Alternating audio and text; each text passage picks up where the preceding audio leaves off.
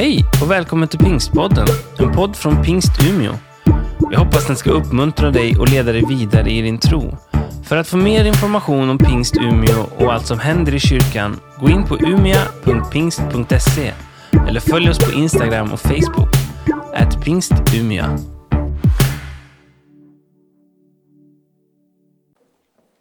Det finns, alltså, när jag fick inbjudan från Ulf Sundqvist att predika här så ville han att jag skulle prata om hur man når nya människor eh, och att, eh, vad det gör med kyrkan när man når nya människor och kanske också många från eh, andra länder. Så att jag vill bara ge en liten blänkare om att det finns jättemycket resurser man kan ta del av via pingstintegration. Jag tänker inte gå igenom det nu, men bara så att ni vet. Och vi har ju då en hemsida på pingst.se integration. Så är ni intresserade av sånt så gå gärna in där och titta. Men eh, lämnar det för nu, för nu tänkte jag tänkte jag skulle predika. Och det är gott att vara här ett år senare. Jag vet inte om ni vet det, men jag skulle ju ha varit här för ett år sedan och predikat. Men eh, när jag åkte på morgonen så eh, Eh, hade snön kommit. Och eh, jag körde ju där, jag var ju en av de första bilarna på morgonen så det var ju lugnt. Men det var ju inte skottat. Så eh, ju närmare Övik jag kom desto högre blev ju snön liksom, för det snöade. Och så hamnade jag bakom ett par lastbilar som körde fast i, vid Skule i uppförsbacken där. Så det var bara att stanna bilen och eh, be till Gud att det skulle komma någon eh, som tog loss de där lastbilarna, för det var helt stopp på E4. Eh, men ungefär en, en eller två timmar senare så kom de loss. Och jag satt ju där och tiden gick. Och jag kom helt enkelt inte fram förra året till Umeå. Så Matteus fick predika. Jag vet inte om ni minns det eller så, men eh, det var ju lite tråkigt. Men nu är jag här och det är ju bra. Jag tänkte jag skulle predika utifrån apostlagärningarna. Och om, om jag hinner, jag ska kanske köra en lite kortare version av den här predikan, men om jag hinner så kan jag nämna någonting om hur vi gjorde i Timrå för att nå nya människor.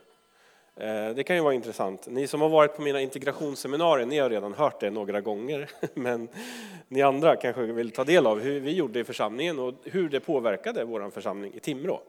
Nu är jag ju pastor i Härnösand och står i ett annat läge där vi mer jobbar med hur vi kan eh, få in dem i församlingen på ett annat sätt. Liksom. Men det är lite en annan fråga, tänker jag.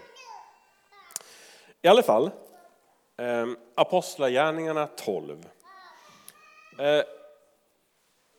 Och jag tänkte jag skulle börja reflektera lite kring Jakob. Det står ju så här i texten. Vid den tiden lät kung Herodes gripa och misshandla några i församlingen och Jakob, Johannes bror, lät han avrätta med svärd. Och den här Jakob, vet ni vem det är? När jag predikar, då får man svara. Jag vet inte om ni vet det, men vem är den här Jakob?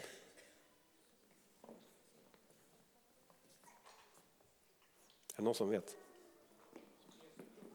Jesu bror? Nej. Johannes bror? Ja. Vad hade han för... Eh, vem var han liksom? Vad var hans eh, tjänst? Vet ni vem Jakob är? Liksom? Vad var han? Fiskare, lärjunge. Ja. Han var också apostel. Och han var faktiskt en av de tre närmaste, eh, står det ju i Nya Testamentet. Eh, Petrus, Johannes och Jakob. Och Johannes och Jakob var ju bröder. Och det står faktiskt nästan ingenting mer om Jakob i Bibeln än det här. Att han dog. Så det känns ju som misslyckat eh, apostlaskap kan man tänka. Men det, det, finns en grej till ungefär, eller ja, så. Och det är att eh, Jakob och Johannes går till Jesus och frågar honom, kan vi få eh, sitta till höger eller vänster om dig när du kommer i din härlighet? Är ni med? Alltså symboliskt tal då för att han, eh, de vill vara Jesus eh, närmaste när Jesus väl etablerar sitt rike, liksom, som de tänkte. Han blir kung i Jerusalem eh, och då vill Jakob gärna vara utrikesminister, eller jag vet inte vad de, hur de tänkte, men ni förstår vad jag menar. Han vill alltså ha en fin plats bredvid Jesus. Gärna förmodligen lite bättre än Petrus och Johannes. Så det är vad vi vet. Och då så säger ju då Jesus, som ni känner till, att, att eh, kan ni verkligen dricka den kalk jag ska dricka? Frågar han Jakob och Johannes.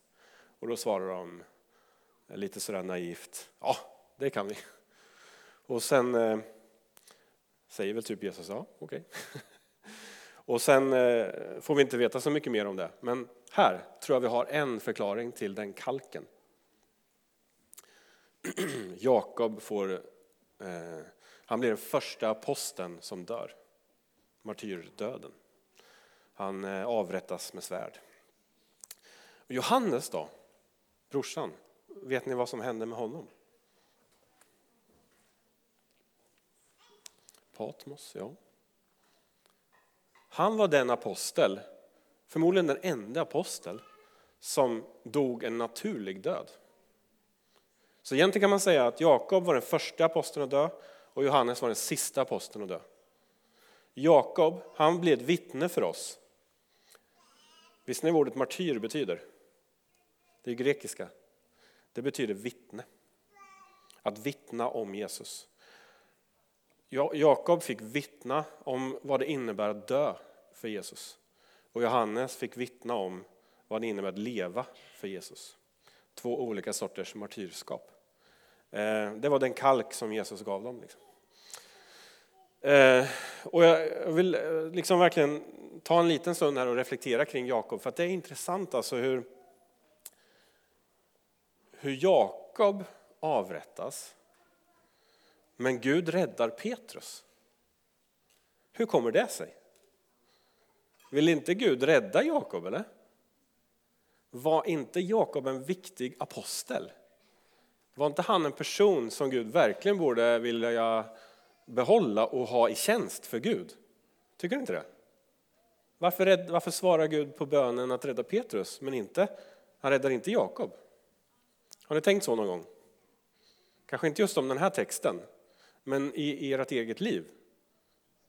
Varför blev den personen helad, men inte jag? Varför dog min mamma i cancer? Och varför blev den frisk? Liksom? Det har jag tänkt i alla fall, i mitt eget personliga liv. Eh, varför får den en tjänst för Gud? Varför får inte jag? Varför får den så bra liv? Liksom? Och jag får bara brottas med skilsmässa och allt vad det kan vara. Liksom. Varför hjälper Gud så men inte så?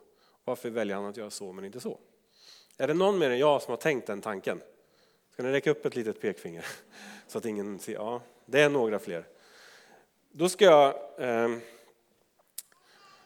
glädja er med beskedet att eh, Gud svarar inte på den frågan i den här texten och inte i någon annanstans heller ofta i Bibeln. Eh, närmaste svaret vi kanske kommer är i Jobs bok.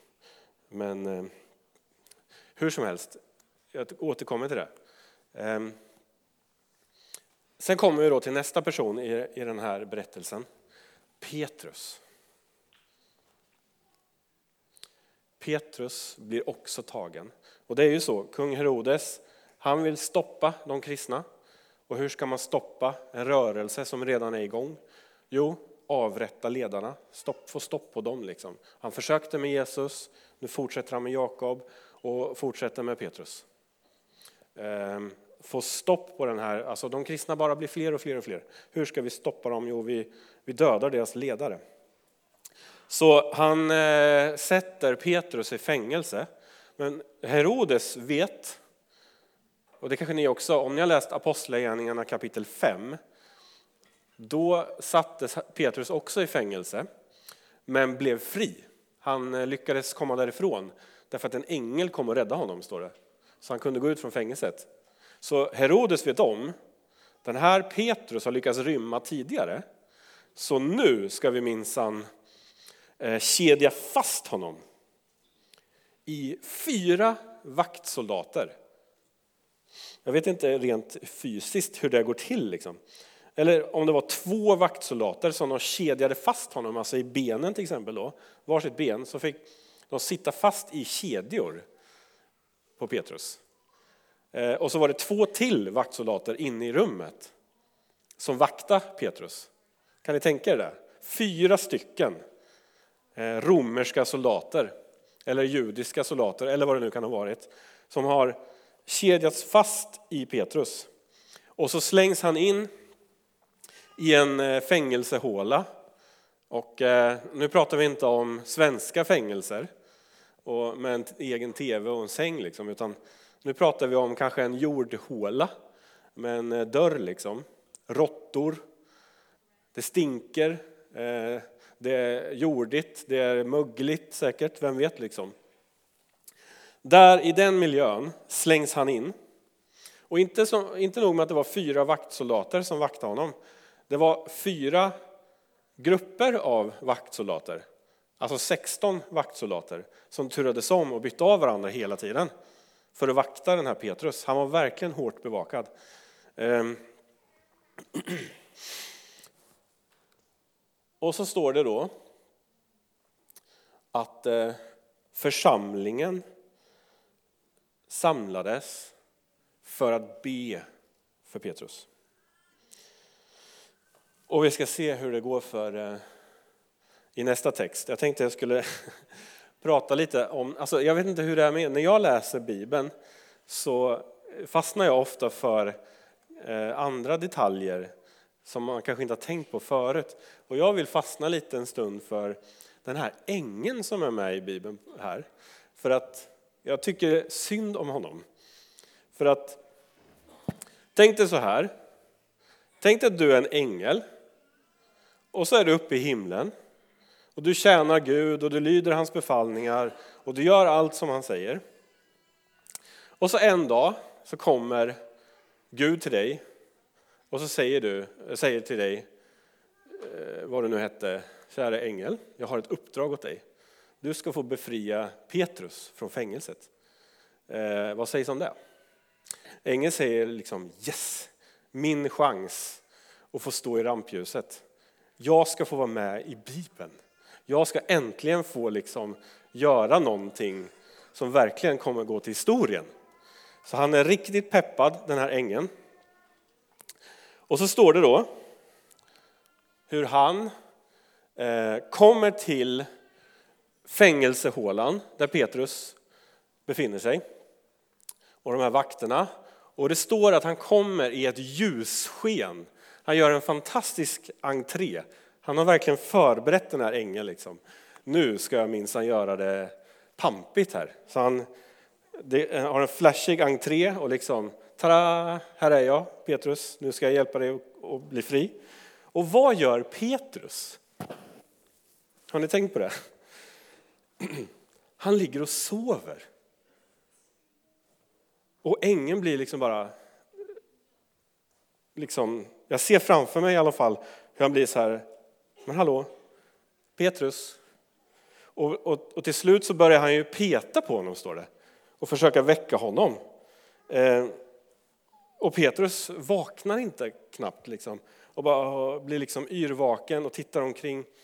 Och, liksom, och ängeln bara, men Petrus, kom igen nu, vi ska härifrån. Eh, ta på dig dina sandaler. Eh, och Petrus bara, ja okej, okay. eh, vänta lite nu, vart la jag dem? Och så börjar han liksom i ett förvirrat tillstånd, tror att han fortfarande drömmer, tar på sig sina sandaler och då liksom blir ängeln bara, ja men kom igen nu, ta på dig bältet, eh, ta på dig manteln, kan du skynda dig lite? Och sådär, ungefär som när man ska klä på barnen på morgonen när man ska iväg till dagis.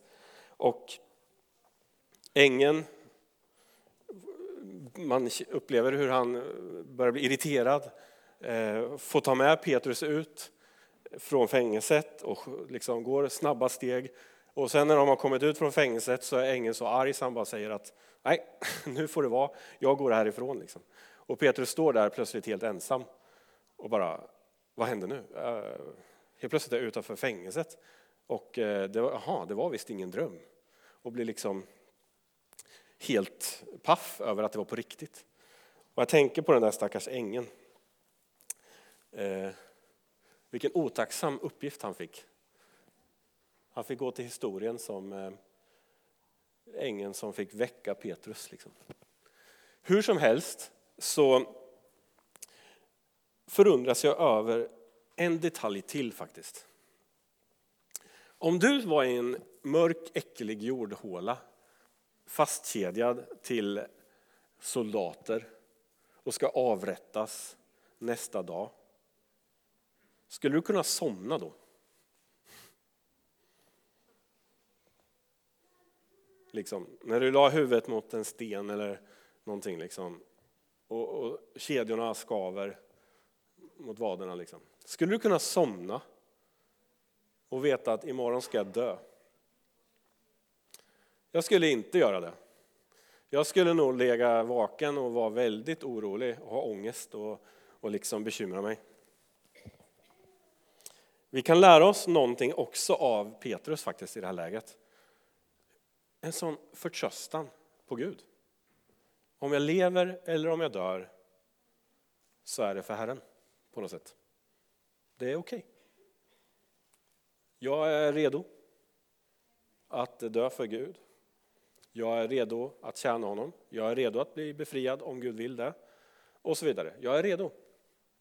Jag tar det lugnt liksom. Allt är i Herrens händer, så jag behöver inte bekymra mig. Jag tycker det är fantastiskt hur han kan sova i den situationen. Kom ihåg det, liksom, ta, ta den lärdomen till dig om du just nu går, eh, upplever att du är i en mörk eh, fängelsehåla liksom i ditt liv och är orolig för vad som ska hända imorgon eller nästa vecka. Att eh, ta det lugnt, liksom. förtrösta på Herren. Allt är i hans händer. Och han har kontroll, han vet vad han gör.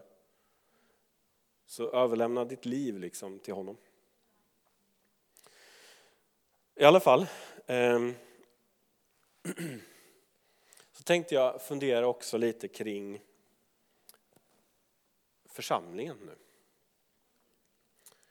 För om Herodes hade sina vaktsoldater som vapen, han hade sitt fängelse med portarna som sitt vapen. Vad hade församlingen för vapen? Bön. Mm. När fängelsedörrarna i ditt liv är stängda så är fönstret mot himlen alltid öppet. Och Gud har makt att förändra situationer. Han har makt att rädda dig. Han till och med heter Räddaren. Visste ni det? Jesus namn. Liksom. Räddaren. Han kan rädda. Han är expert på det. Det är det bästa det är det han är bäst på. Att rädda oss. Eh, så församlingen är samlad i kyrkan, kan vi namnge det, alltså i Marias hus eh, och ber för Petrus. Och de får bönesvar. Det har hänt mer än en gång att eh, vi har haft medlemmar som har varit på väg att utvisas. Och vi har inte vetat vad vi ska göra. Mer än att samla oss till bön i församlingen. Jag kommer ihåg en kille som han eh, i Timrå som togs av, eh, eller det var så här, han gick in till Migrationsverket för att eh, av någon anledning. Och så såg han hur de bakom disken började viska till varandra. Och han förstår att nu kommer de kontakta polisen. Så han springer, liksom, flyr för sitt liv. Och, eh, men så plötsligt, när han, ska, eh, han springer bort till en buss och ska gå på bussen och åka någonstans. Och när han, innan han kliver på bussen, när han står vid bussen, så, så upplever han frid i sitt hjärta. Och bara känner, nej, jag ska gå tillbaka. jag ska inte rymma mer. Han går tillbaka till Migrationsverket och mycket riktigt, det var så. De ringde polisen för de såg i sina, sitt register att, att han var efterlyst. Och eh, polisen kommer, de tar honom och kör ner honom till förvaret i Gävle och ska utvisa honom tillbaka till Afghanistan. Och han är ju livrädd men ändå fridfull. Liksom. Han vet att om jag lever eller dör så är det för Herren. Och så när vi får veta det här så hör jag av mig liksom till församlingen och säger nu samlas vi i kyrkan och ber. Alla som vill vara med, kom liksom. Så ber vi tillsammans för det här, för vi vet, vi vet inte vad vi ska göra. Så vi bad till Jesus. Och det blev så här att på grund av att han togs av polisen så kunde de, så kunde de inte skick, utvisa honom. Det är en lång historia, men jag bara tar, de kunde inte utvisa honom. Och istället så fick han tillbaka sina bidragspengar och sitt boende och fick återvända. Han har alltså levt utan eh, bidragspengar och boende i eh, ett och ett halvt år tror jag.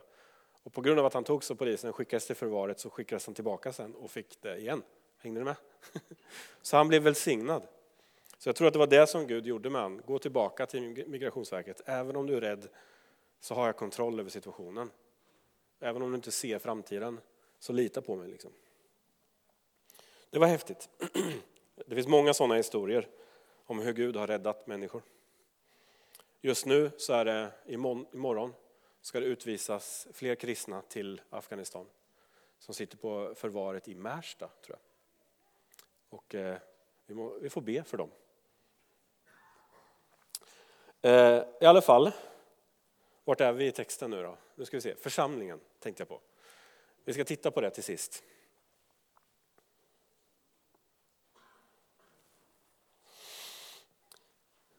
Då nu Petrus insåg vad som hänt gick han till Marias hus, hon som var mor till den Johannes som kallades Markus.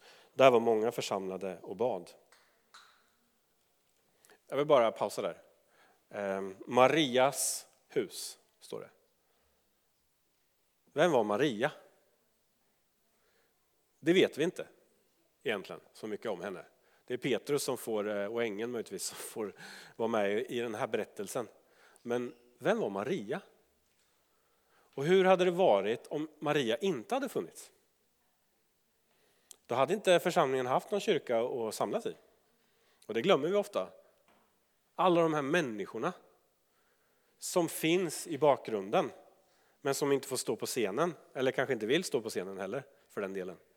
Men som gör allt arbete bakom. De glömmer vi ofta när vi tänker på hur mycket folk tjänar Herren på olika sätt, men det kanske inte syns. Så tänk på det om du träffar någon sån Maria någon gång.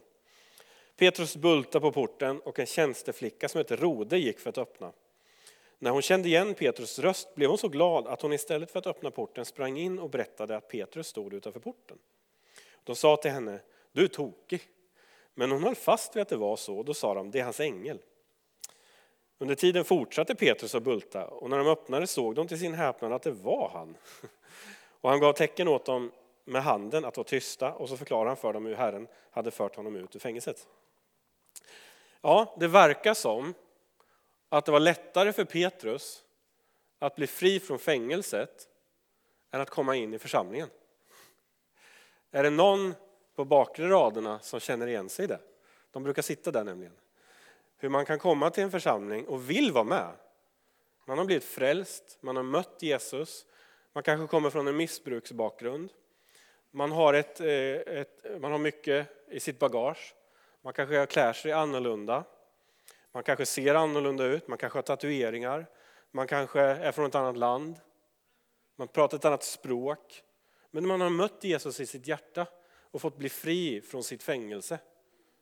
Från sitt eh, mörker från sin depression, från sin, sitt missbruk. Jesus har förvandlat mitt liv. Du kanske har fått uppleva ett mirakel och du känner, jag vill leva för Jesus, jag vill vara med i en församling.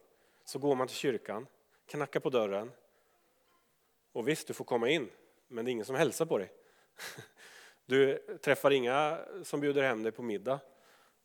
Du får inte komma in i gemenskapen. Liksom. Så kan det vara va? ganska ofta att det är lättare att få bli frälst från sina bekymmer och problem och mörker och fängelse. Men att komma in i församlingen är svårt ibland. Så tänk på det också. Att eh, det är faktiskt eh, vårt ansvar, vi som har varit med i församlingen ett tag. Det är faktiskt vi som har ansvaret att hjälpa människor in. Det är inte deras ansvar att liksom armbåga sig in, utan det är vi som måste ta det ansvaret och hjälpa dem. Eh, det gjorde inte riktigt den här församlingen. Och, ehm, visst, vi tänker ofta att vi ska ha tro när vi ber. Hur mycket tro hade egentligen församlingen på det de bad om? Har ni tänkt på det i texten? Alltså bönesvaret står utanför dörren och knackar på och vill komma in. Och vad gör församlingen när det kommer någon och säger jag har sett bönesvaret, nu är det här det vi har bett för. Nu finns Petrus här. Vad gör församlingen? De kallar henne tokig. Rode. Är det någon som känner igen sig i Rode? Här. Du har sett att det församlingen har bett om i flera år nu har kommit hit. Och de knackar på och vill in. Känner du igen dig, du som är Rode i den här berättelsen? Ja, det finns många sådana och de blir oftast inte trodda av pastorerna. De kommer och säger liksom, kolla liksom, vi har eh, ett antal missbrukare nu från gatan som har kommit in. Liksom. De vill vara med i församlingen. De har blivit frälsta. Och så, visst, de får gärna samlas, men ja, förstår du vad jag menar? En annan, kom, en annan rode person kommer och säger, det är jättemånga eh, afghaner här nu som vill liksom vara med. Men vi gör ingenting för dem. Eller? Det här är en utmanande frågeställning till oss alla. Vad gör vi för de här nya människorna som är lite annorlunda? Men som kommer och vill vara med. Och som knackar på liksom. Det är en utmaning. För det är det det handlar om tror jag. Om man ska nå nya människor. För Jesus jobbar med dem. Han frälser dem. Han räddar dem från alla deras bekymmer. Men församlingen då? Tar vi in dem liksom i gemenskapen? Det är en, kanske den viktigaste utmaningen från den här texten. Vi har bett i många år för onådda folk. Det har ni säkert också gjort i Umeå pingstförsamling. Vi har bett för väckelse i våra städer.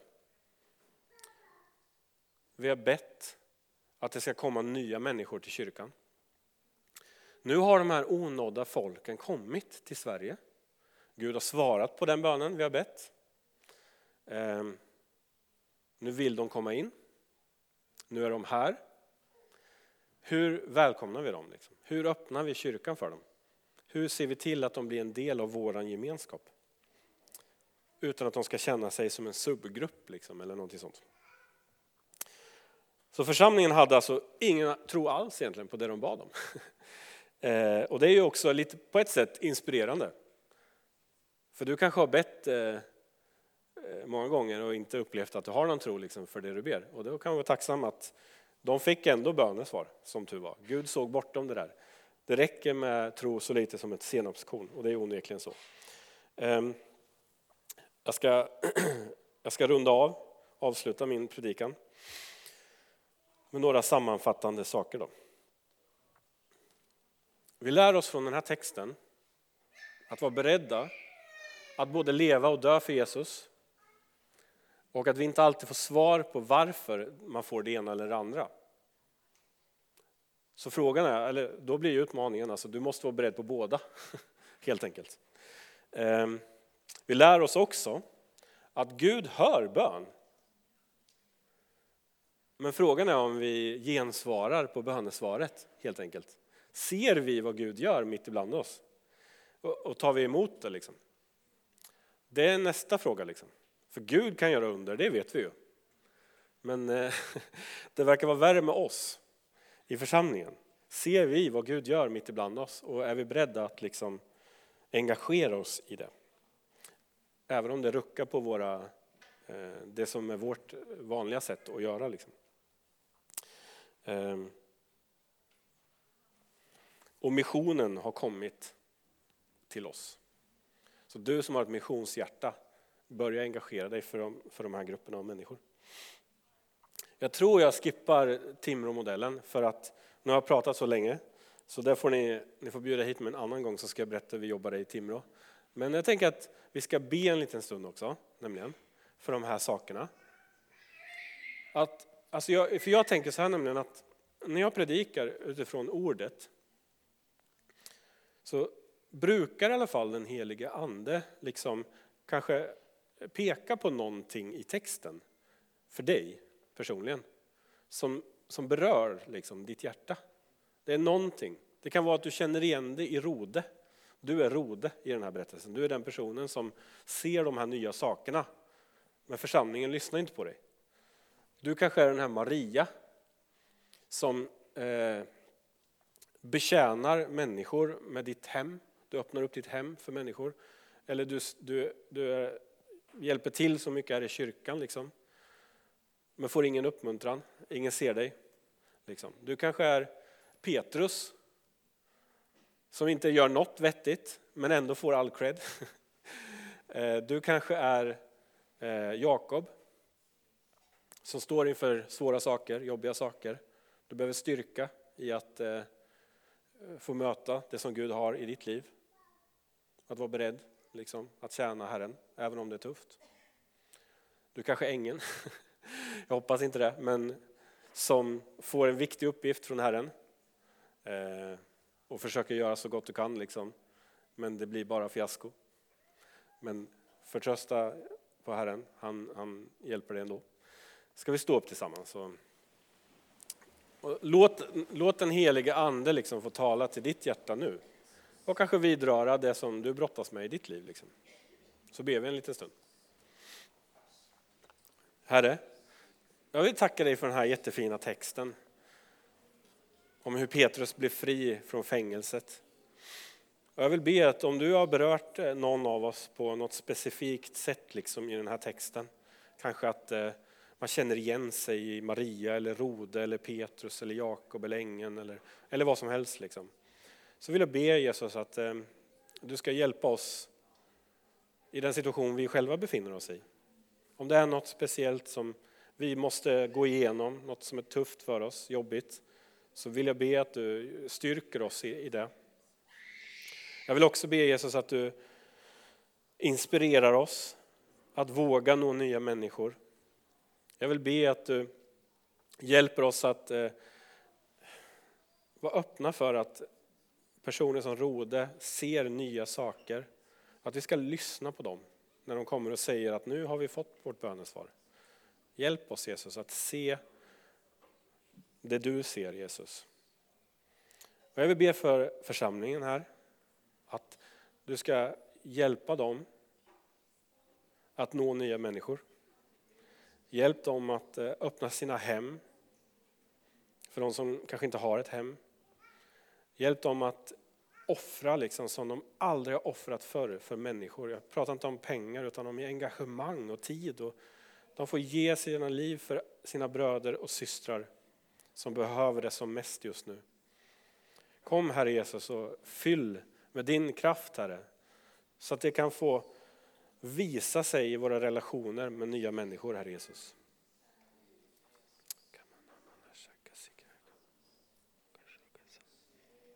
Tala till oss Herre Jesus.